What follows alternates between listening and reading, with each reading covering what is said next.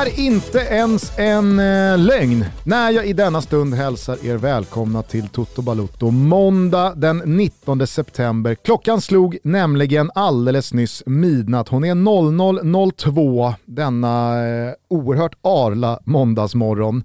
Eh, vi sitter här och spelar in Toto Balutto eftersom eh, mitt flyg till USA går om ish 10 timmar. Eh, men inte fan ska Toto Balutto och i synnerhet Måndagstoto slagga för det. Nej, när jag hör din röst så här, precis efter att ha suttit i bilen en halvtimme ute från Rönninge eh, och lyssnat på Karlavagnen, Mm. så fick jag en liten känsla för att göra Toto Karlavagnen. Ja, Så här, låta folk ringa in sen timme och prata fotboll. Det kanske skulle vara något. Jag Ja. tänkte också att vi, i och med att vi visste här sedan några dagar tillbaka att vi skulle spela in mitt i natten för att få ut ett måndagstoto med all fotboll från helgen i ryggen, så tänkte jag att det också fanns ett läge, det bjöds ett tillfälle att köra lite etik i natten. Mm, det gjorde det. Sannerligen. Men det ska vi inte göra. Nej. Kanske och, tvärtom. och jag tror inte heller att vi ska köra liksom, Karlavagns-toto. Nej, jag tror inte vi ska göra det I heller. synnerhet inte om man spelar in post midnatt.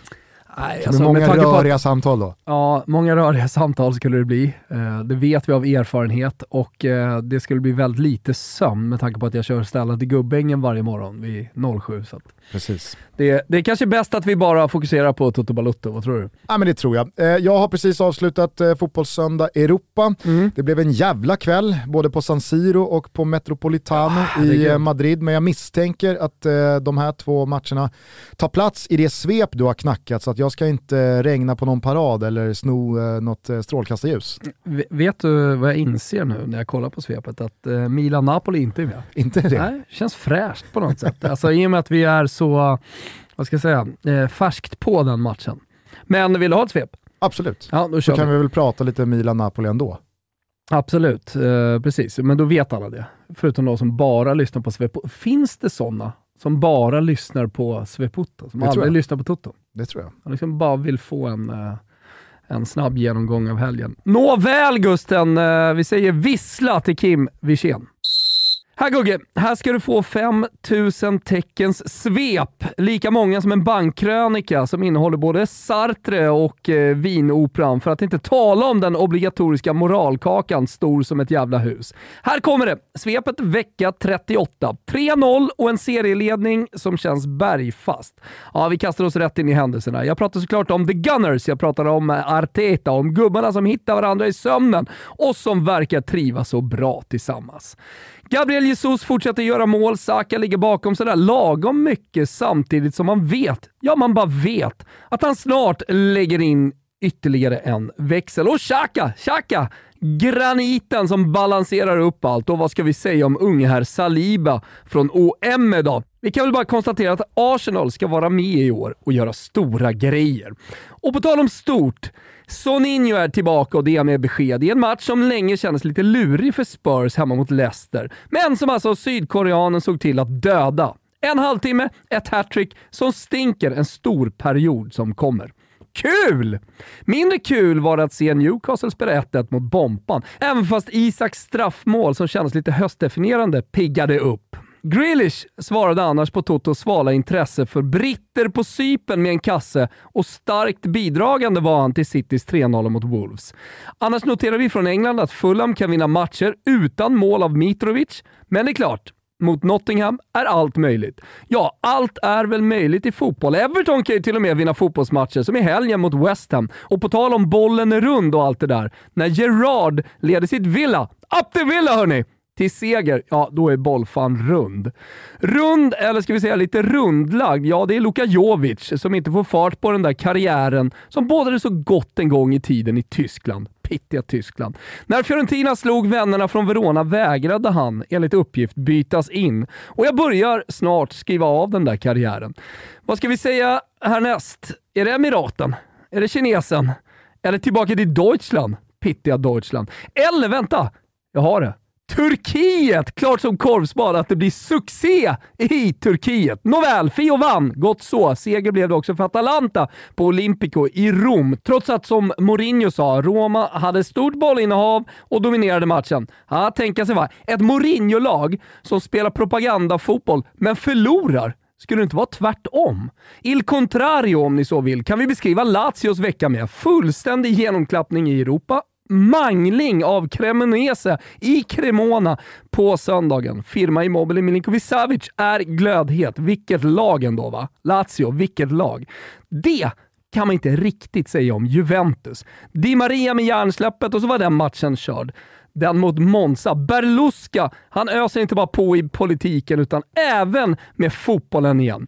Italiens egna Benjamin Button bara kör och jag hyser väldigt starka känslor till den danska bomben Gytkär, 32 bast, kung i Serie B och nu bödel i Serie A. Vad som händer med kadavret från Turin nu har jag ingen aning om. Kenneso Io. Vad jag vet är att den randiga konkurrenten är i, om än inte lika stor, så ändå någon slags svacka. Inter förlorade mot Odinese med 3-1 och jag vill faktiskt bara prata om Odinese. Vill ni lyssna? Tveksamt. 16 poäng i alla fall på sju matcher är mäktigt. Ruskigt mäktigt. Vi gratulerar också Lecce till första segern för säsongen och brassen Gabriel Strefetsa blev stor hjälte på Areki mot Salernitana. Big win! Och big win även för sassarna borta på Olympico. Turins Olympico alltså. Nej, vi lämnar Italien med att konstatera att Sampdoria kommer få kriga för att ens nå tvåsiffrigt antal poäng om det ska se ut som det gjorde borta mot Spezia och att Bologna nog gjorde fel i att sparka Mihailovic. Lite rappa på nu då, vi har ett avsnitt att ta tag i. I Spanien vann bjässarna Real Madrid och Barcelona. Los Galacticos i derbyt mot Atletico som jag helt ärligt inte får grepp om längre. Jag noterar att Real Sociedad vinner andra raka utan nordisk målskytt och att Sevilla Villarreal slutade med ett högst väntat kryss som precis ingen mår speciellt dåligt över. Vackrast bilder i det Spanien, som är just Spanien, såg jag på Mestalla där Gattuso var just Gattuso med sin älskling Castillejo vid sin sida. Kramar med supportrar och kärlekskänslor mellan spanskt och italienskt. Sånt berör mig. Det är precis sånt som berör mig. Vi avslutar i Tyskland. Ja, vi avslutar faktiskt i Tyskland. Där Un Union Berlin, jag kan inte bestämma mig för om de är Union Berlin eller Union Berlin. Jag vet ju att de är Union Berlin. Eh, verkar ha hittat världens bästa tränare i Urs Fischer. Ny seger i helgen samtidigt som Bayern München förlorade i regionsderbyt mot Arg Augsburg. Ni vet Tysklands Firenze. Eller det visste ni inte? Att de har en alldeles egen liten högtid. Röd dag alltså, mitt i augusti för att fira sin storhet. Jag talar såklart om mäktiga Augsburg. Renässansmäckat i Bayern. Oj, oj, oj, oj. Det är grejer det hörni. Precis som Ruhrderbyt mellan eh, Dortmund och Schalke som slutade med gul seger. 17-15 Union Dortmund, bara 12 för Bayern. Händer det? Ja ah, Gugge, är det nu det händer? Blommar den tyska asfalten eller? Ja ah, men säg det då bara! Nagelsmann, är han en bluff?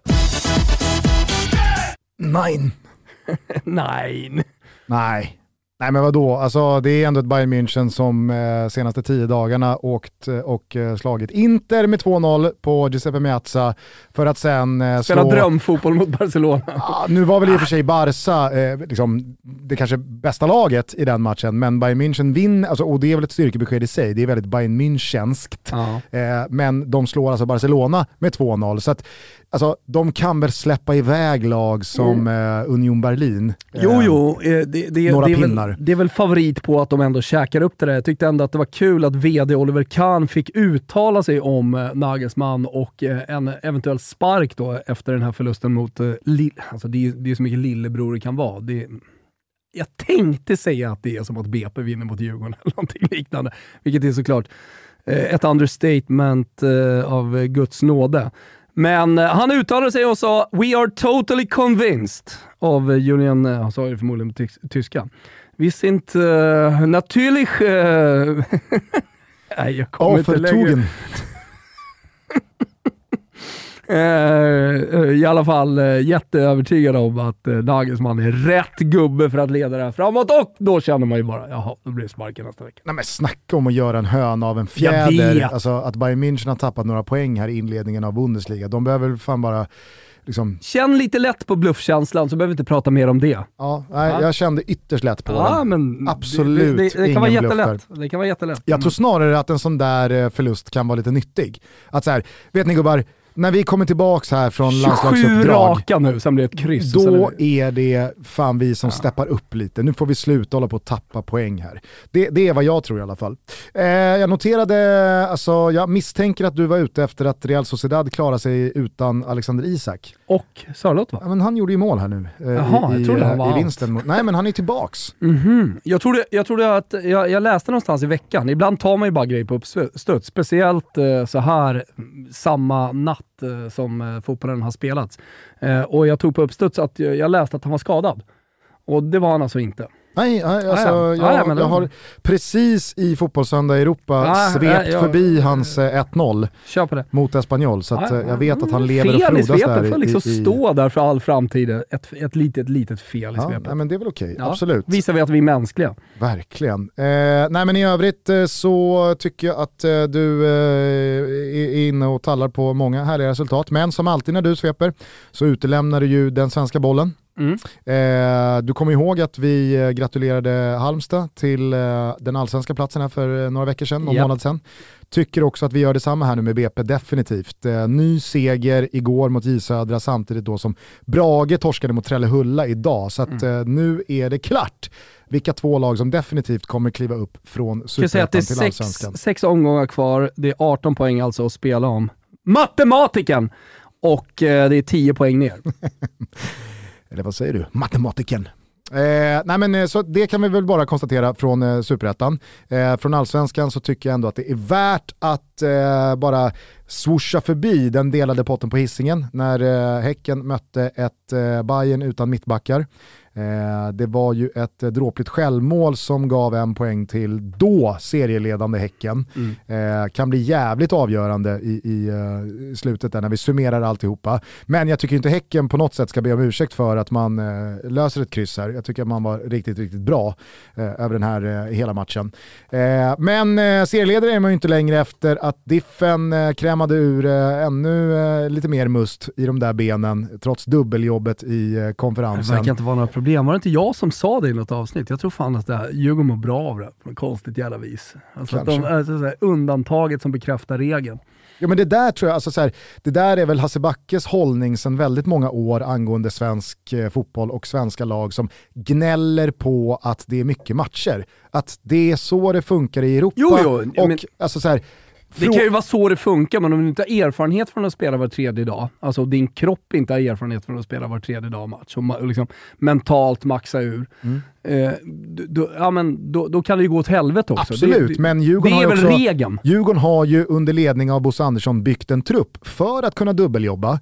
Eh, och man är ju i det läget man vill vara. Man är i ett europeiskt cupgruppspel, man slåss om SM-guldet. Och så jag händer tror, det Och jag grejer. tror inte att man ska underskatta faktorn av att man just spelar liksom kanonmatch efter kanonmatch. Matcher man liksom har längtat efter och drömt om att få spela. Vissa går för sitt första SM-guld, vissa går för ett andra eller tredje. Man spelar sina första cupgruppspelsmatcher och så vidare. och så vidare. Man är höga på Ja, stunden. Inspirationen tror jag gör en jävla skillnad. Det tror jag. Däremot kan det komma eh, ett, ett bakslag, men precis när man då vinner den här matchen samtidigt som konkurrenterna eh, kryssar så kommer ett landslagsuppehåll. Ja, ja, alltså det hade ju inte ku- kunnat komma bättre för Djurgården, så de borde ju kunna komma tillbaka efter det här landslagsuppehållet och vara fräscha. Precis, man får säkert tillbaka Hjalmar Ekdal här och ja, men man kan slicka lite Ja, men sår. som nu, så här, Edvardsen som var briljant i matchen mot IFK Göteborg.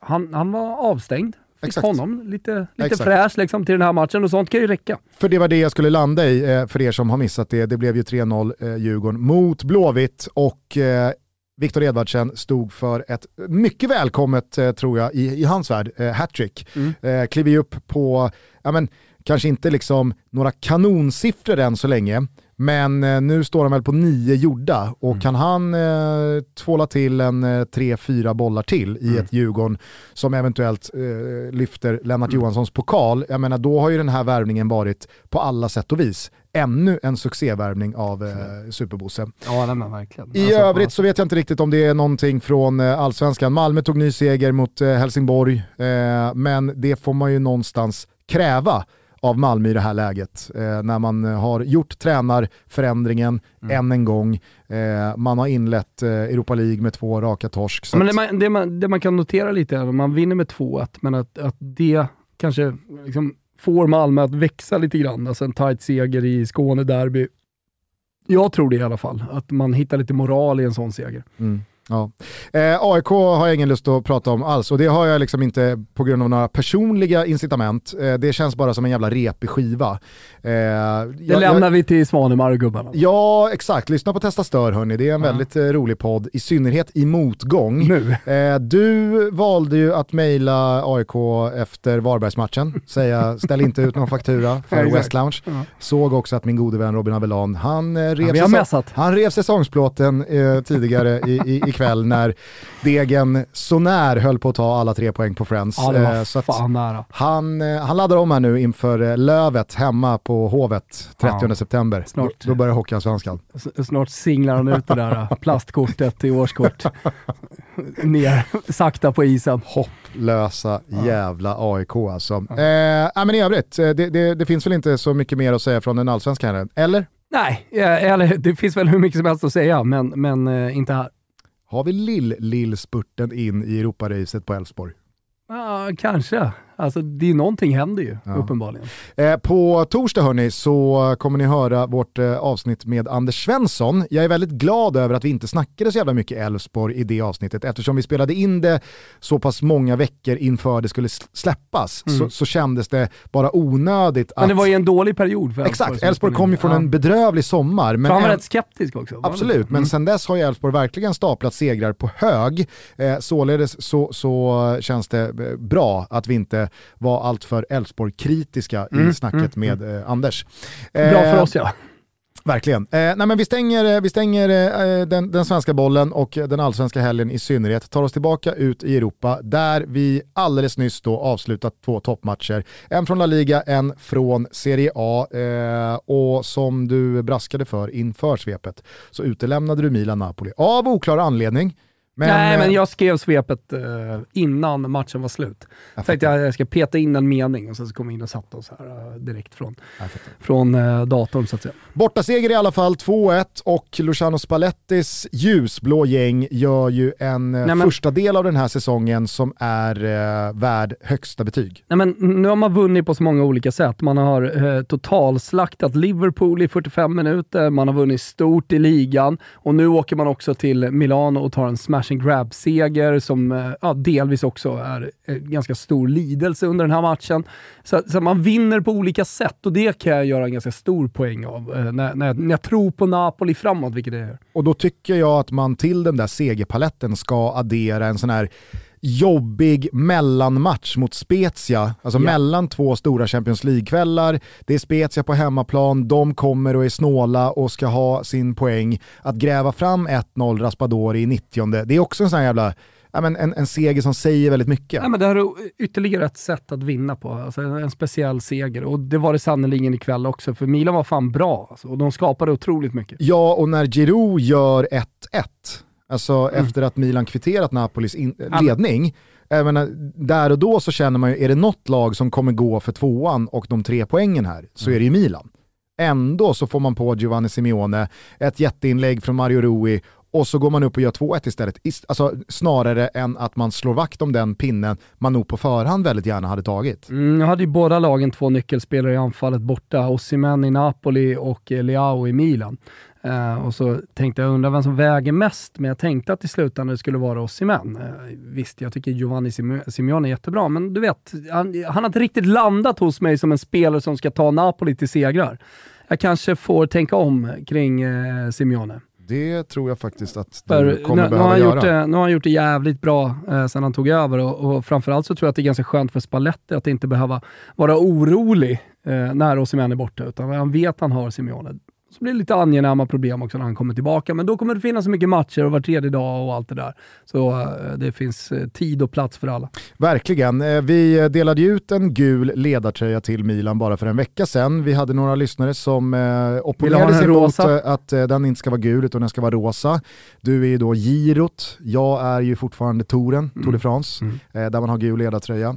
rosa i Giro d'Italia. Ja, att den ska Skit. bollas upp La Vuelta. Ja, ja, ja, exakt, jag älskar det dock att någon, liksom, det var någon färg på tröjan som röd, leda, ja, röd ja. ledaren har i Vueltan. Och du, du, bara, en sak måste Paris, jag ha sagt Roubaix. här. Pittiga Vueltan.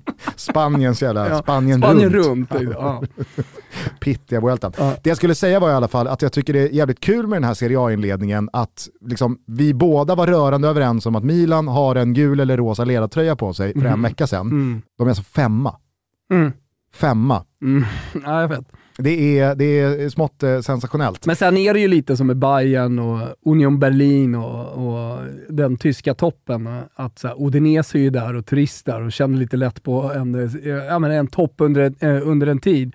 Sen kommer de givetvis falla. Sen kan Odinese göra en jättebra säsong och vara med och slåss om Europaplatser. Det säger jag ingenting om, för jag tycker de har fått ihop det där laget bra och byggt det över tid, lite i skymundan. Ja men det var där jag skulle landa, för att eh, jag tror nog inte speciellt många är förvånade över att Atalanta återigen motbevisar alla oss som trodde att ja, men nu måste de väl ändå ha tappat så pass många spelare och tappat så mycket fart och har gjort det här så pass många år att det ska börja dala. Men att de liksom motbevisar en igen, ja, det är väl vad det är att Napoli går starkt, ja, men det har vi pratat jättemycket om. Men Lazio berörde du i svepet. Det är ett liksom, notoriskt starkt lag som plockar sina poäng. De kommer ju sällan i de här svackorna med 3, 4, 5, 6 matcher utan vinst. Nej, nej. Utan Immobile gör sina runt 25-30 mål per säsong och det leder till segrarna. Sergej Milinkovic Savic är kvar, där finns rutin, där finns en Sarri som vet hur man vinner matcher, i synnerhet mot de sämre lagen. Ja, men det finns de en lägsta nivå som jag tänkte säga är hög och som har precis åkt på dyngtorsk mot, eh, var det något danskt lag? Mittjylland. Mittjylland ja, Mittjylland.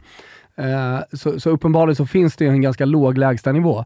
Uh, men i de matcherna som Lazio bryr sig om, så finns det en väldigt hög lägstanivå. Ja, absolut, absolut. Eh, men i de här, liksom, om vi ändå får kalla dem för usual suspects i en mm. inledningstabelltopp, så är ju ändå Udinese den fula ankungen här. Det är ju anomalin som, för mig i alla fall, verkligen från ingenstans kommer och spelar så jävla bra fotboll med en stabil och solid trupp och det känns som att det är harmoni och det känns som att ja, men, enmansföretag som Delofeo och Pereira ser ju sugna på Alltså de ser ju sugna ut på att eh, spela liksom för laget och det finns en eh, riktigt stygg försvarschef i Bekau där mm. bak och det finns nyförvärv som eh, man knappt eh, har lärt känna innan de ser överjävligt bra ut. Beto har vi lyft och hyllat eh, från tidigare säsonger.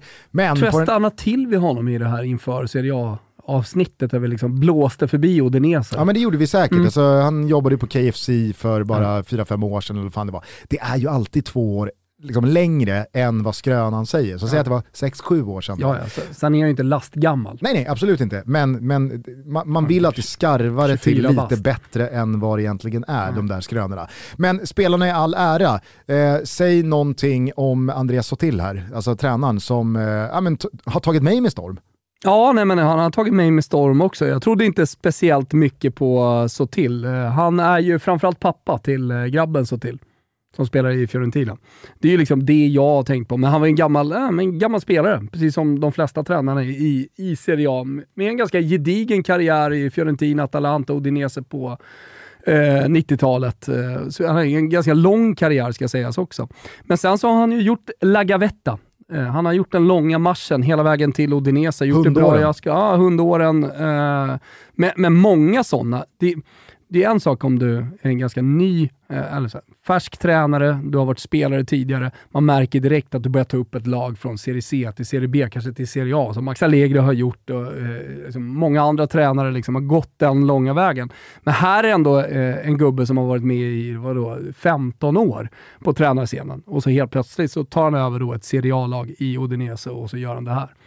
Alltså- det, det, det, är ju fa- faktiskt från ingenstans. Jag tycker också att Sen man... finns det säkert, jag ska bara säga det, det finns säkert en historia här. Alltså man, man har kunnat sett det här, eh, men, men det har inte jag läst mig till än i alla fall. Jag tycker också att man, alltså, ibland så ska man passa sig för att dra för stora växlar av ja, men, det man ser med blotta ögat av en tränare under en match och hur det ser ut. Men fan vad det är tydligt att det här är spelarnas gubbe. Alltså Mm. det, det, det ser ut som att det är total harmoni och att alla är beredda att springa skiten ur sig Mm. för så till. Nej men så är det verkligen, en stor ledare och som får ihop gruppen. Får Och det är ju bara än mer imponerande när man har hans tränar-CV. Alltså det är inte en tränare som kommer från fyra, fem klubbar som många av spelarna i laget bara hade kunnat drömma om att eh, komma Nej, men det är från. liksom ingen Nagelsmann som är 34 bast som har tagit upp två lag eller liksom, ja, men gjort en kometkarriär. Utan han har varit med, som jag säger, han har varit med länge. Så det, det, det, då kommer det nästan ännu mer som en blixt eh, från en klar himmel. Toto Balotto är oerhört glada och stolta över att välkomna ner Sambla i vår pansarkryssare till podcast. För Sambla har ni givetvis inte missat. Eller?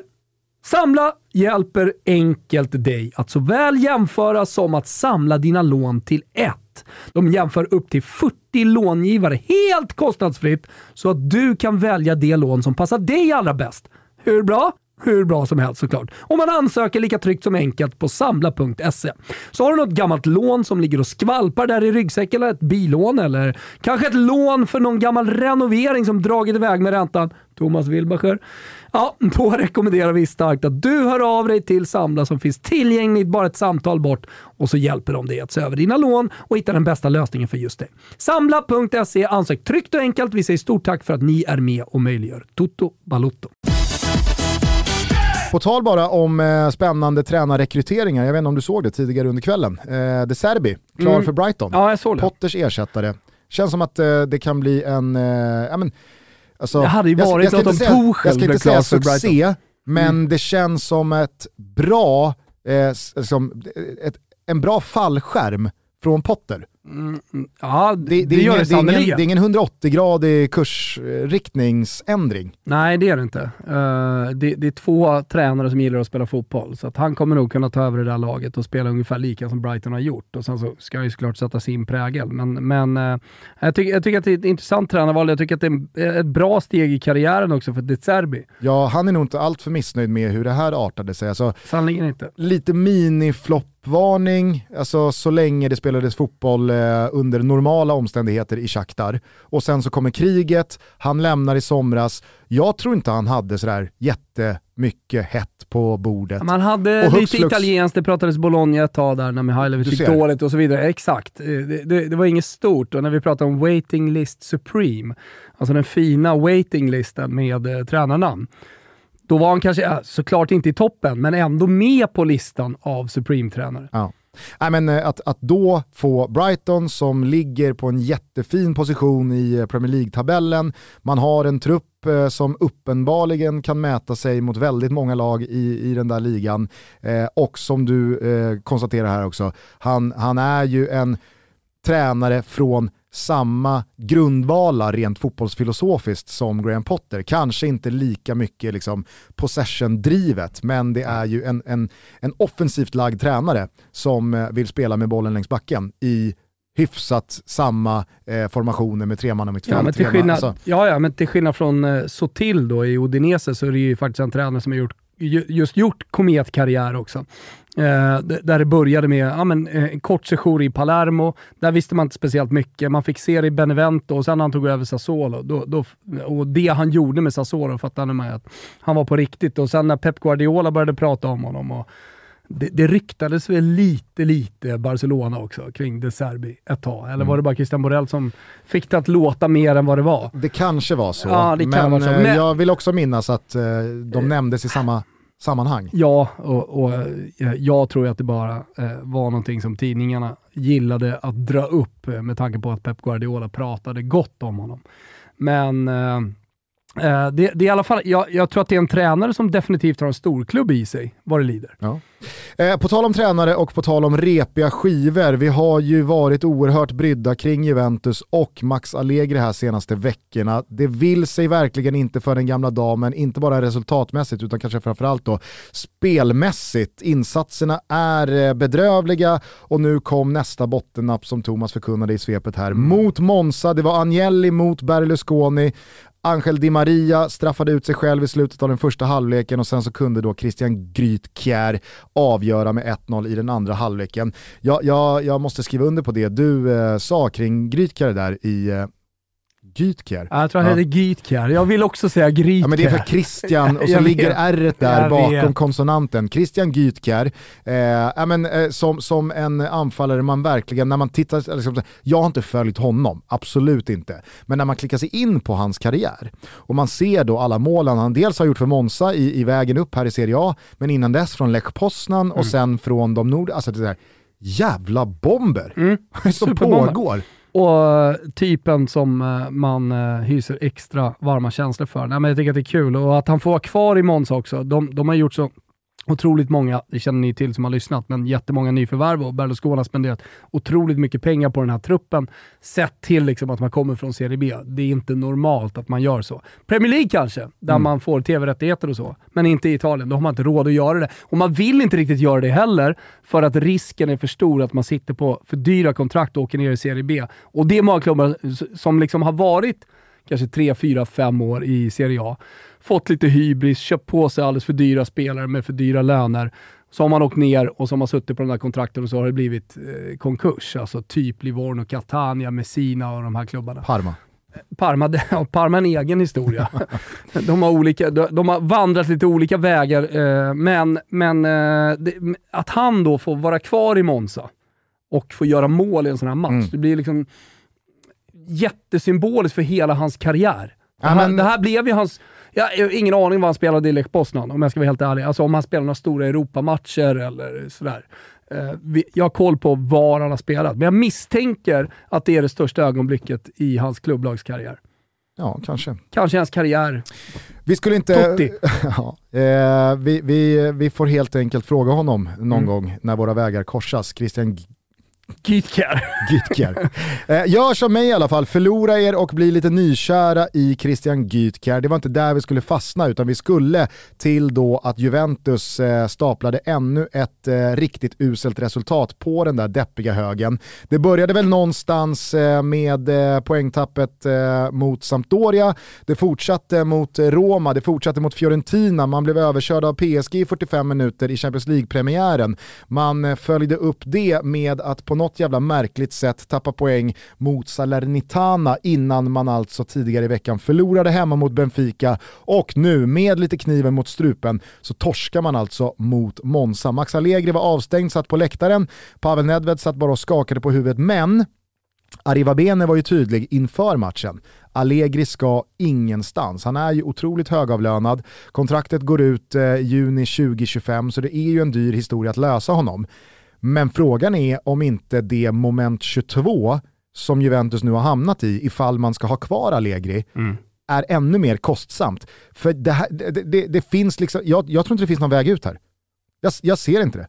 Nej, uh, det, det, pågår just nu reflektioner i Casa Juventus. Uh, la confusione è totale. Alltså man, man är confused. Man vet inte vad man ska göra. Så man står lite utan idéer. Man har aldrig kunnat förvänta sig den här säsongstarten. Dels med eh, Champions League och stå på noll poäng. Och det har man väl aldrig gjort va? Nej. Nej. Eh, och eh, dels då i ligan att dessutom då förlora mot bottenlaget. Alltså Måns har ju inte vunnit innan den här matchen i Serie A. Det här är deras första trepoängare någonsin. Och det är mot Juventus med liksom en jag höll på att säga avdankad, men en lite äldre dansk bomber från Serie B och Lech Poznan. Mm. Det, det, jag, jag, förstår att man reflekterar, men det gäller att man reflekterar ganska fort och kommer överens om vilken jävla väg man ska gå här nu för att man ska kunna bryta det här. Absolut, och jag förstår den ekonomiska verkligheten och att det inte bara är att hosta upp alla hundratals miljoner det liksom eventuellt skulle kosta då att, att eh, klippa med Allegri. Å andra sidan, är det någon gång, alltså ska man göra sig av med Allegri innan VM mm. så är det ju nu. Ja, jag håller med. Det är Ja, men det är det jag menar, det är därför måste man dagar, välja väg. 12 dagar till nästa ligamatch. Det kommer ett landslagsuppehåll, man kommer få fyra, fem dagar, eh, lite knappt, med en hyfsat hel trupp att då jobba vidare. Det lever fortfarande i Champions League i, i och med att man ska möta lilla Maccabi Haifa här nu gånger två. Så att, alltså, Jo, jo, men eh, matematiken, det, det är ju precis som vi landade senast. Alltså, du, du, du, du får ju väga liksom, vad det kostar kontra vad du tror, för det blir ju eh, en spekulation. Hur, hur mycket kommer det kosta sportsligt att, kvar, att ha kvar Max Allegri? Det vet ju bara de som är nära laget. Det vet ju bara liksom, Pavel Nedved och, och de runt om. Alltså, har han tappat gruppen? Finns det, finns det liksom grupperingar här? Fin, finns det andra saker att peka på förutom att man förlorar matcher? Det är det jag menar. Mm. Alltså, är, det, är det fortfarande en enad grupp? Eh, tror man på det här tillsammans fortfarande med Max Allegri? Ja, men då kanske det finns anledning att fortsätta och att ändå tro på det. Eh, det, det, det jag tror att det liksom, det är de nyanserna som blir viktiga mm. för den sportsliga ledningen här nu, vad man ska göra framåt. Sen måste man ju också verkligen vara, vara noga med att påpeka att det är ju inte bara Allegri som är problemet, utan det finns ju en sportslig ledning som du är inne på, som förvisso har bytt sportchef under de här senaste tre, fyra åren, men där man är inne på sin tredje tränare på lite drygt tre säsonger. Eh, resultaten har blivit sämre och sämre och sämre och värvningarna jag vet inte vilka värvningar som du... Ju lite på, man väntar ju på Chiesa, man väntar på Paul Pogba och man väntar säkert på någon till som jag glömmer bort nu.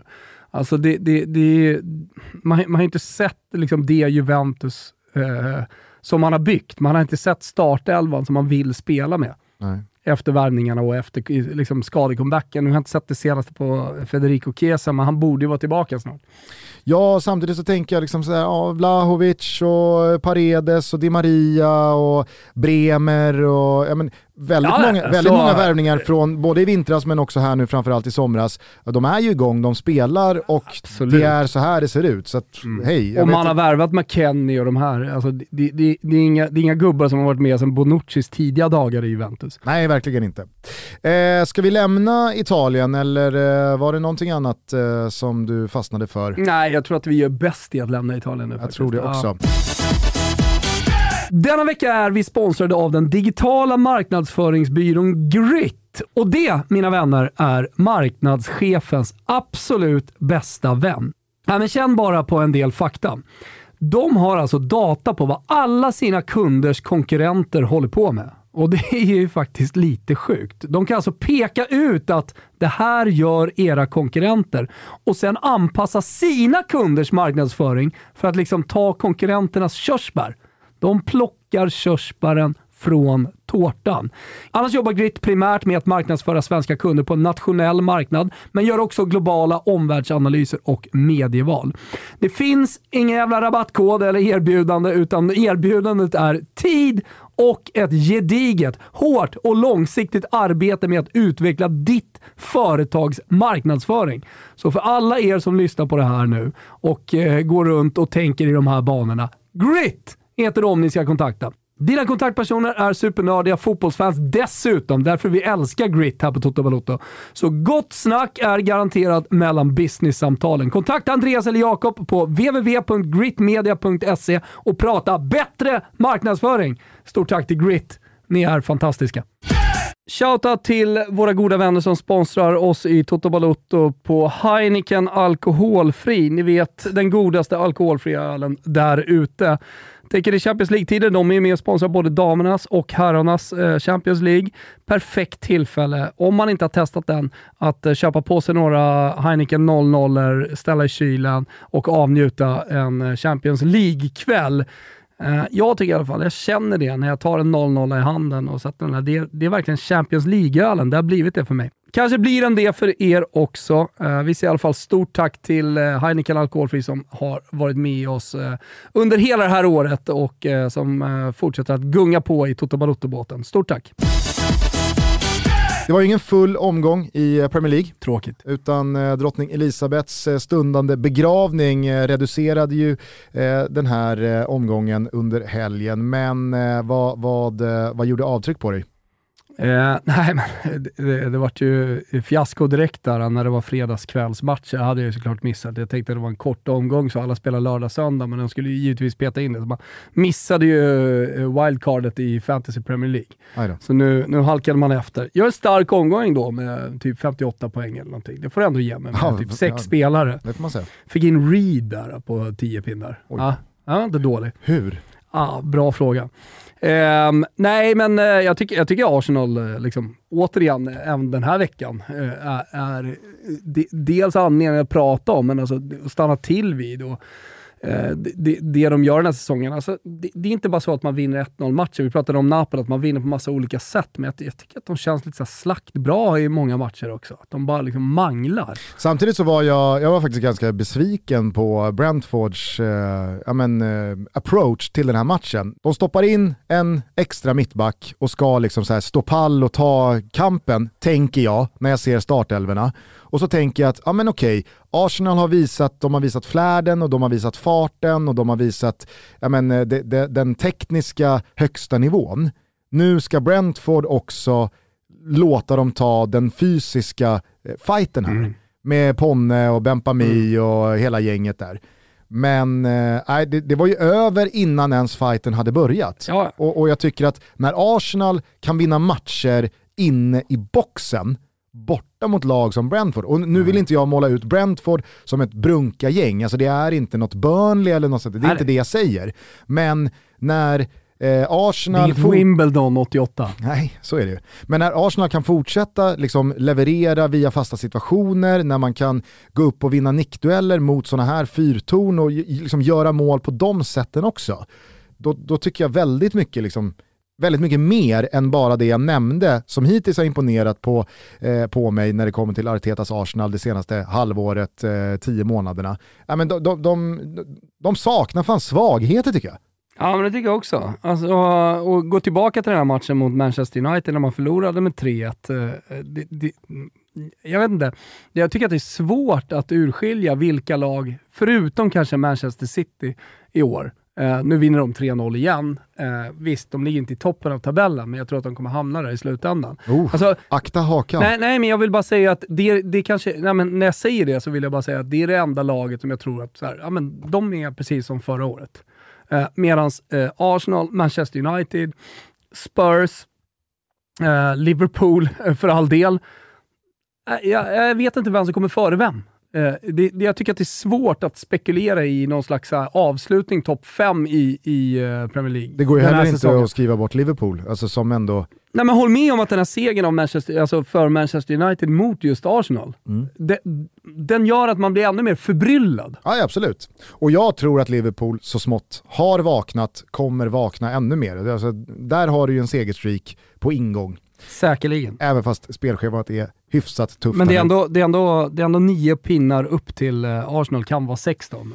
Ska bara säga det att det var ju ett ruskigt jävla ångestpåslag i slutet av den här Brentford-Arsenal-matchen när Ethan Nwaneri byts in. Mm.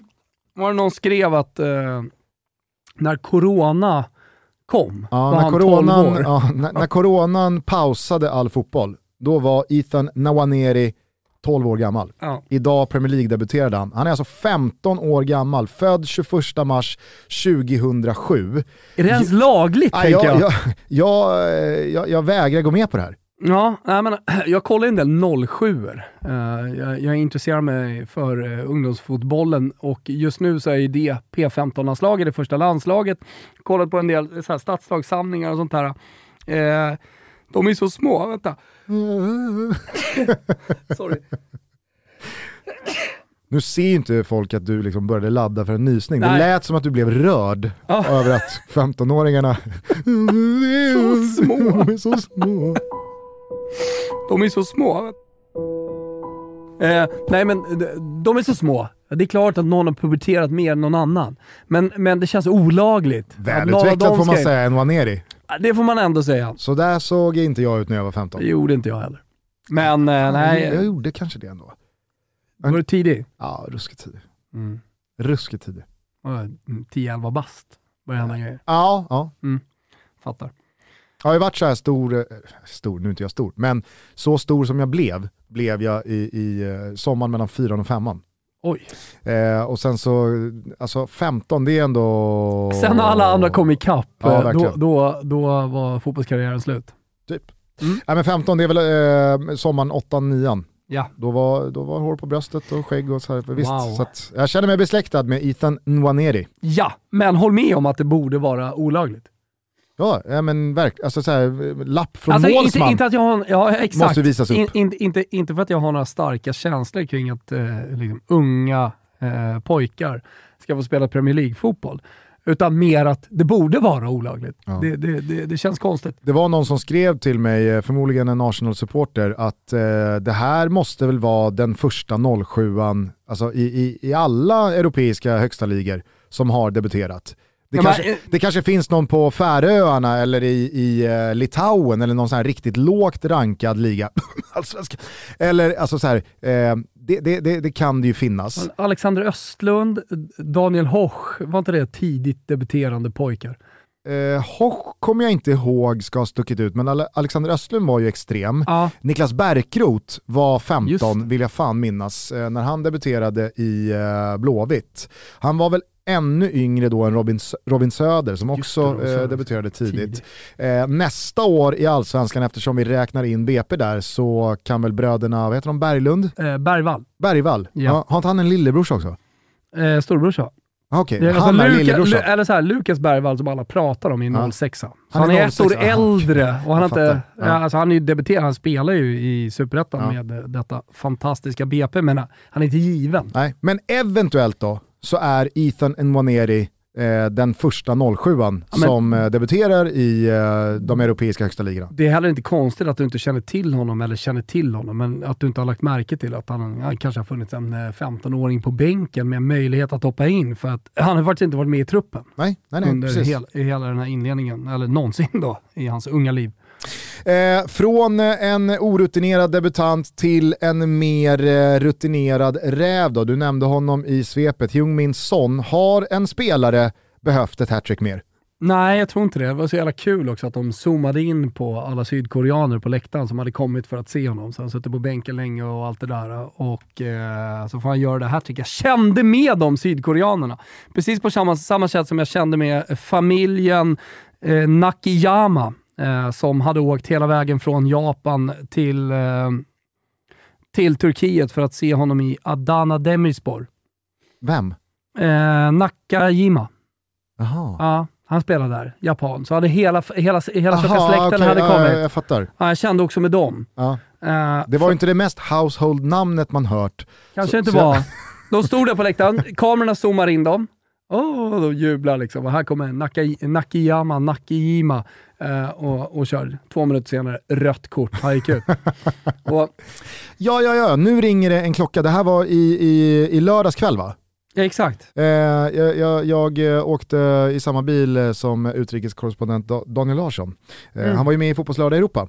Just Eh, det, hur gick det? Jag missade. eh, ja, men det, det gick bra, Ah, jättetrevligt. ah, det var kul. ju matcher för finsmakarna. Just det. Eh, Barca, Elche och eh, Valencia, Celta Vigo. Mm. Men eh, Sam spelar ju eh, sen en månad tillbaka, två månader tillbaka i Antalyaspor i. Turkiet. Så att, eh, han eh, följer ju den turkiska fotbollen noga och då, då läste han upp det där. Han hoppade in och bara någon minut senare så åkte han ut. Ja, Så, men, men, men liksom det. så bilderna på sydkoreanerna på läktaren och så får Sonja mål. Alltså jag tänker bara på dem. Jag Mm. tänker, de har rest hela den där vägen. Eh, och så då de här som har liksom rest hela vägen till Turkiet. Jag tänker att det är en lång resa och alltihopa för att komma till Demirspor så ser de på läktarna. Och d- då fick jag också en sån här ruskig nostalgi eh, för att mamman tar upp en gråtduk. Har du sett de här som japanskorna har? Nej. framförallt eh, japanskorna har det. Det, det. Det blev väldigt starkt när, när två stycken japanskor i min klass, när jag pluggade nere i Italien eh, på så språkskola, skulle åka hem efter tre månader. Och eh, jag var ju då den, den, längsta eh, kompisen de hade. Mhm. Så det var ju starkt för dem. De sa det väldigt ofta också. Liksom. Du, du är den längsta kompisen vi har. Sa de också att det är väldigt starkt för oss? Ja, men det ble, jag förstod ju det när de skulle åka och vi skulle säga hej då. De hade inte visat speciellt mycket känslor, men det var någon slags avslutningsmiddag där och så. Och då åkte gråtdukarna upp. Helt plötsligt så stod de med liksom en duk som är ja, ungefär lika ja, ja, ja. stor alltså som det, ansiktet. Det, det, finns typ eh, någon slags skam i att gråta, Exakt. så att man försöker dölja tårarna. Försöker dölja tårarna. Så de där åkte upp och så såg jag liksom ja, det, där under rann och de, de var ah, väldigt ledsna. Okay. Eh, och eh, eh, när bilderna då landar, när kameran landar på mamma Nakiyama, eh, när han blir utvisad, så åker rosa gråtlapp upp. Okej. Ja. Ja. Eh, nej men, eh, jag, jag, skulle bara landa i då, med undantag för kanske Mohamed Salah och eh, Virgil van Dijk, så har väl Jungmin Son varit Premier League-säsongens absolut största då liksom sparkapital eh, som eh, någon av klubbarna har haft. Alltså Conte och Spurs har ju löst sina poäng och segrar ändå, men man har ju hela tiden sett att, att då har ju Son Vänta varit under isen. Mm. Alltså, där finns Vet det man varför? Och jag menar, han hoppade in i den här matchen också. Ja, det här var ju första gången han ah. på riktigt liksom så här, tyvärr men, alltså, du är för kall och både Kulusevski och Richarlison är liksom i slag så att vi kan inte starta med alla fyra mm. utan då blir det faktiskt sån här som får flytta på sig. Eh, och så hoppar han in, han gör det hattrick, hattricket och eh, alltså så här, jag, jag, Det jag, kan jag, ju komma en story, brukar göra i efterhand, uh, att det, det, kan ha varit en personlig tragedi, alltså mm. någonting har hänt i livet, det kan ha varit någon uh, baksida så som har spökat som ännu inte har kommit fram. Det, det, det, får vi väl se, men allting talar för att han helt enkelt har varit kall. Ja, det, det ah. tror jag absolut. Och kan man, alltså kan Spurs skaka av sig den där 2-0-torsken mot Sporting i veckan mm. och gå vidare härifrån nu med en sån som är igång, alltså då, då, då, då får man ändå ge Conte att han har, utan att så här imponera speciellt mycket, skaffat alla förutsättningar som, som, som går att göra i det här läget eh, utan alltså fjolårets skyttekung mm. i Premier League. Nej, men det, och jag landar ju där. Nu välkommen att liksom, så här, joina partyt. Jag nämnde inte ens Chelsea förut när vi pratade om liksom lag och topp fem och Europaplatser och så vidare. Det, det, är oerhört svårt att se om hur det ska gå i, i Premier League den här säsongen. Förutom att City bara kommer slakta sig igenom där. Ja, nej, verkligen. Eh, avslutningsvis då, eh, lite Spanien tycker jag. Eh, det var ju ändå ett eh, riktigt hett eh, Madrid-derby under söndagskvällen här som jag kommer från. På Metropolitano. Real Madrid vann med 2-1 och vi uppmärksammade i efterstudion att Real Madrid i slutet av matchen hade majoriteten spelare i sitt lag som tillhör liksom det nya Real Madrid. Och så slog vi fast att det har varit en sån jävla smärtfri och lyckad generationsväxling för Florentino Perez och hans maränger. Ja, men alltså, träffa rätt på de spelarna som har kommit Ja, det var liksom så här, Så jävla viktigt okay, att träffa rätt. Det blev riktigt stort såklart med vägvalet att nu går vi skilda vägar med Cristiano Ronaldo. Men sen dess så har liksom man har smugit ut eh, Sergio Ramos, Varan, nu lämnade i och för sig Casemiro absolut under uppmärksammade former, men parallellt så har liksom andra spelare försvunnit, lite dödkött i form av Bale och Marcelo, och, ja, men spelare som verkligen har så passerat senigt och bara hängde med från förr. Men Hazard, han, han ska flyga en gång till säger du? Jag, jag ger inte upp. Nej, okay. Jag har inte gett upp. Ja. Ja, men nu i alla fall då så här, i Benzemas skadefrånvaro så var de där. Valverde, Vinicius Junior, Rodrigo, eh, Chouameni, Kamavinga, eh, Militao. Alltså, de, de är här nu. Mm. Och de har inte tappat en enda poäng den här säsongsinledningen. Man är regerande ligamästare, man är regerande Champions League-mästare.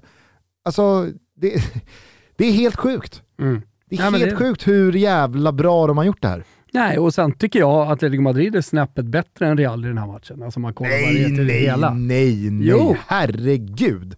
Det tycker jag definitivt. Ja, det, det ja, men de har lite mer boll, jag tycker att de skapar lite fler chanser. Liksom, eh, nej, jag, jag, jag, jag håller inte med. Du får det ju låta som att Real Madrid var överlägsna här.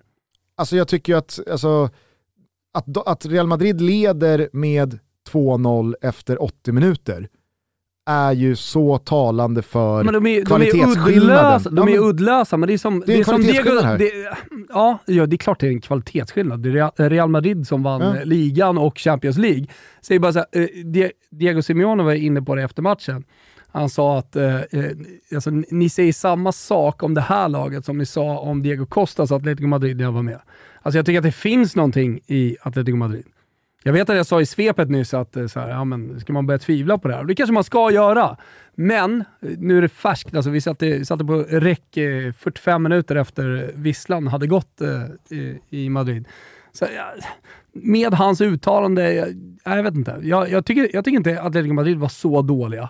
Och jag, jag, tror absolut att de kan liksom komma igång den här säsongen. Ja, jag vet inte, jag, jag, tycker att eh, Real Madrid, de går till anfall två gånger, de gör två otroligt jo, fina mål. Då är alltså, de ju effektiva, det kan du ju säga. Absolut, och ibland så behöver man ju inte ha dominerat eh, både bollinnehav Sannoliken och eh, behöver inte Real Madrid göra det för att vinna För titlar. att man ska på något sätt leda eller vinna en Nej. match rättvist. Jag, tyck, jag tycker bara att Alltså så här, det är en uppenbar kvalitetsskillnad, jag tycker Real Madrid har stenkoll på det här. Sen så är Courtois ute och på något märkligt Magnus Hedman sätt liksom hänger lite tvätt och så blir det nerv och resultatet blir ju smickrande för Atletico Madrids del, tycker jag.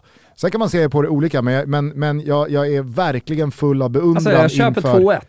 Ja, ja, ja, visst. Eh, jag är i alla fall full av beundran för alltså dels Real Madrid i den här matchen, men också deras säsong hittills, men framförallt deras generationsväxling som har varit så jävla bra mm. på alla sätt och vis. Det, må, det måste jag verkligen ja, säga. Nej, jag, eh, jag, tycker också att eh, vi, vi, eh, vi ska lyfta hela den här situationen som eh, blossade upp kring Vinicius Junior efter att Kocke, lagkaptenen i Atletico Madrid, några dagar inför den här matchen gick ut och sa efter att då Vinicius Junior dansat när han gjort mål mot Mallorca i förra ligamatchen på klassiskt brasse-samba-vis att han skulle bara typ våga dansa sådär på Metropolitano om han gör mål mot oss i ett derby. Då kan det bli jobbigt för honom. Och det har jag liksom inga problem med att Kocke går ut och säger. Det, det, det, det, kan väl han göra som lagkapten inga problem. Men sen så fick ju det här en jävla obehaglig rasistisk eh, svängning när då Pedro Bravo, ordföranden för de spanska agenternas förbund, eh, konstaterade att äh, men, eh, dansa kan du göra i Brasilien, här behöver du inte stå och spela apa. Mm. Och då finns det väl eh, liksom en språklig skillnad som inte jag ska ge mig in i, för jag, jag pratar inte spanska. Men jag men, tycker att alla är ganska rörande överens om att det här finns det... Jag menar bara att så här, på svenska så, så, så, finns det ju ett sätt att uttrycka sig kring att man spelar apa eller teaterapa eller vad det nu är. Mm. Jag upplever inte att det finns speciellt mycket rasistiska undertoner i det uttrycket, Nej. utan det, det, är ju någonting annat än vad jag upplever att det här betyder Nej, på spanska. Atletico Madrid-fansen i hundratals, Exakt. För de sjöng innan matchen att uh, han är en apa. Ja, för de som tvivlade så kan man ju lyssna in på hur det lät då utanför Metropolitano inför den här matchen, när supportrarna, alltså, och, herregud, långt ifrån alla, det var ju många som valde att ta ta, ställning mot det här och böra ut dem. Men att ifrågasätta de rasistiska undertonerna i det här, det, det, det är liksom så här, tvivelsutan, så är inte fallet. Utan det här var väldigt tydlig rasism. Och Vinicius Junior, han valde ju att verkligen uppmärksamma det här. Han skrev ett långt inlägg på Instagram och Pedro Bravo, han gick ut och bad om ursäkt, men Vinicius Junior underströk att men, ursäkten, exakt, ursäkten är vad den är. Mm det är någonting annat, någonting större som är problemet här. Mm. Och väldigt många slöt ju upp bakom Vinicius Junior i det här. Sen så gör Rodrigo 1-0 här och de dansar ihop, de brasilianska landslagsklubblagskamraterna. Eh, och även fast jag tycker att Vinicius Junior, han dansar ju lite på gränsen här, pun intended, mm. i hur övertänd han var, ja, men det, det, det, det, kan, alltså, här, det kan man ju förstå att han är mm. och att han var och det är inte så konstigt i sig. och det var ju eh, det var ju häftigt att följa Vinicius Junior den mm. här matchen. Med allting som har hänt inför och, och sångerna. Eh, jag, det, jag, tycker att det finns någonting också i, alltså när jag tänker på rasismen inom fotbollen som har varit utbredd, och Eh, man tänker ofta på fotbollen som global, alltså som en enhet, eh, oavsett vilken liga det är. Så när fotbollen går ut i kampanjer, till exempel mot rasismen, Thierry Henry var ju tidig till exempel och sådär, eh, så, så, så, går många andra spelare i andra ligor också ut. Men eh, kollar man då till exempel när Italien hade stora problem, Alltså det, var, det, var ju, det var ju tider då Balotelli gick av planen. Montari. Bo, bo, ja, Boateng, eh, Kevin Prince Boateng, också klev av någon match mot Brescia och så vidare. Alltså, att de någonstans fick ta tag i sin egen rasism i Italien. Och jag läste en tråd här på Twitter efter att någon hade då skickat ut eh, den här rams, eller ramsan som sjöngs eh, innan matchen. Eh, att eh, ja, men det, det, det finns en ganska stor grupp till Atletico Madrid, supportergrupp till eh, Atletico Madrid som är väldigt långt åt höger eh, och har varit så länge. Och så då kom det ännu fler kommentarer eh, som eh, beskrev hur utbredd eh, rasismen är inom den spanska fotbollen och sådär. Känns som att de har varit, liksom när allting där har hänt globalt, eller om det har varit i Italien, så här, känns det som att Spanien, där har man inte pratat så mycket om rasismen inom, inom den spanska supporterkulturen eller fotbollen. Nej, jag kan inte dra mig till minnes heller att man sett så många sådana här incidenter. Nej, och så pratar man alltid om så, vad ska vi göra för att liksom, komma till bukt med de här problemen jag ska inte säga att Italien på något sätt liksom har kommit till bukt med rasismen. Alltså det finns fortfarande kvar, men däremot så ser vi, alltså, ja, eh, vi ser min, mycket, mycket mindre av det om vi tar då konkreta saker som till exempel äh, apljud äh, på, på läktarna. Fler som tar ställning emot när allt sånt här har uppmärksammats. Mm. Så har man en jättelång resa att göra fortfarande. Det blåser, blåser högervindar och så vidare politiskt och det är ett samhällsproblem och allt det där. Men man har inte pratat så mycket om liksom, problemen i Spanien. Och nu känns det som att det här var då eh, symboliskt tillfället där det blossar upp i Spanien rejält. Mm. Och att vi nu kanske kommer få positivt, jävligt bra tre, fyra månader eller en säsong eller liksom en tid framöver där man kommer uppmärksamma varje minsta rasistisk händelse som sker även i de lägre ligorna.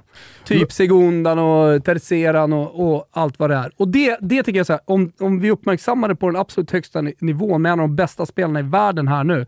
Jag hoppas att det får då eh, konsekvenser för hela den spanska fotbollen. Och kanske är det så vi måste göra. Alltså mm. att varje land får liksom ta tag i sina problem. Ja, låt oss hoppas. Jag tycker dessutom att Uefa verkligen måste reagera ah. starkt på hur det såg ut när Dinamo Zagrebs tillresta supportrar gick i marsch och heilade på väg till San Siro inför matchen mot Milan mm. i veckans Champions League. Alltså, det är så här, om det bara tystas ner och inte möts och hej. Jag, det kan jag tänka att det, att ja, det, alltså, här, var, typ varför, skulle, varför, skulle, det ske eh, ah. i, i den här veckan när det inte skedde eh, under speciellt eh, liksom större omständigheter förra veckan? Men jag kan i alla fall hoppas och jag tycker verkligen att det är på sin plats att Uefa markerar starkare än vad de uppenbarligen har gjort mm. hittills mot en sån oerhört öppen liksom, nazism, kan, fascism. Sen, alltså, ja, jag, vet, jag vet. Och sen, sen, sen kan man ju fråga sig så, så, var var, var eh, alltså jag tänker så här, markerar, och då ska de ge Dinamo Zagreb böter, eh, poängavdrag. Alltså, göra något. Jag, jo, alltså, jag, jag, jag, jag, fattar det, eh, men jag, jag förstår också problemet med att eh, människor går på en gata mm. i Italien. Ja. Nej, alltså så här, vems är ansvaret? Ska Dinamo Zagreb som fotbollsklubb... Ja, ja, jag, ja. det är klart att jag förstår det. Ja. Men uppenbarligen så går hundratals, upp mot tusentals eh, supportrar till en fotbollsklubb i den här turneringen med raka högerarmar ut i liksom en Sieg Heil-hälsning. Mm. Alltså, även fast det blir fel, det tycker jag också, att straffa fotbollslaget för det, Någonting måste man göra, ja, för det, det, blir, det, blir, det blir för skevt annars. Det är tionde gulaschen till eh, rasismen. Jag menar så, det, det, det, ehm, det, det, tandlösa i Uefas ständiga paroll “kick racism out of football” det är nog en av de mest liksom, tröttsamma käpphästar vi har här i Toto Balutto. Mm. Så är det nog. Det får bli eh, lite halvdystra slutord tycker jag. Vi är över eh, timmen långa, det har varit en intensiv fotbollshelg. Nu stundar ett landslagsuppehåll med några spellediga kvällar och dagar innan Sverige ska ta sig an eh, i tur och ordning Serbien och Slovenien i Nations League. Vi kommer inte att avhandla, snacka upp eller snacka ner de här matcherna innan de är spelade utan vi kommer att summera de där två fighterna i torsdagens avsnitt nästa vecka för att nu så stundar ett gästavsnitt med Anders Svensson. Ett klassiskt gästavsnitt. Eh, och sen tror många så... kommer uppskatta också. Ja det tror jag men, verkligen men också. Det, det Anders var väldigt fin. Ja, han var väldigt fin och sen så är det ju mitt i ett landslagsuppehåll och Anders Svensson för väldigt många är ju landslaget och vi pratar ju väldigt mycket om hans tid i landslag. Precis, och så på måndag då, om en vecka, då kommer Olof Lund hit för att prata dels om sin eh, nysläppta bok templet i öknen. Mm. Men det blir också lite snack om hur valet här hemma i Sverige kommer påverka idrotten och även lite mer generellt landslagssnack kring den situation Jannes gäng är i. Så, eh, så det är den kommande veckan, så hörs vi igen eh, i eh, lite mer aktuella ordalag nästa torsdag. Nu ska jag dra till USA, så att, eh, ha det så trevligt! Det ska jag verkligen försöka ha. Jag tänkte be dig om lite content från USA, men kom precis på att det kommer inte hända. Så att, mm. eh, vi, vi, eh, vi hörs igen eh, om tio dagar och så får ni hålla till godo med Anders Svensson och Olof Lund. Jag tror att ni kommer gilla det. Precis, och om det var lite, inte så lite heller, utan om det var en rejäl downer avslutningsvis här kring eh, rasismsnacket så tycker jag ändå att det kan vara värt att eh, gå ut på en roligare ton. Så därför skulle jag vilja be er att eh, ringa in torsdag den 27 oktober i eran kalender. Varför då mm. Thomas? Just det, eh, då har ju vi eh, en superkväll. Det är alltså torsdag, det innebär att det är Conference League och det är Europa League. Det är konferensen. Det är Säg konferensen. Ja, men jag kände att jag skulle bli eh, eh, lite så här officiell och, och, tydlig kring vad det är som ska ske. Ehm, eh, och, och då, då tänkte vi så här, vi, har ju, vi har inte gjort några Oscars på länge, vi har inte gjort något live, det har varit corona. Eh, men tillsammans med Lavazza så teamar vi upp och eh, gör en riktigt härlig bara fotbollskväll på O'Learys 12 här i Stockholm. Precis. Vi har bokat och abonnerat hela tolvan. Ja. Det är dubbla matchlottar i eh, Europa, avspark 18.45 och avspark 21.00. Fio spelar.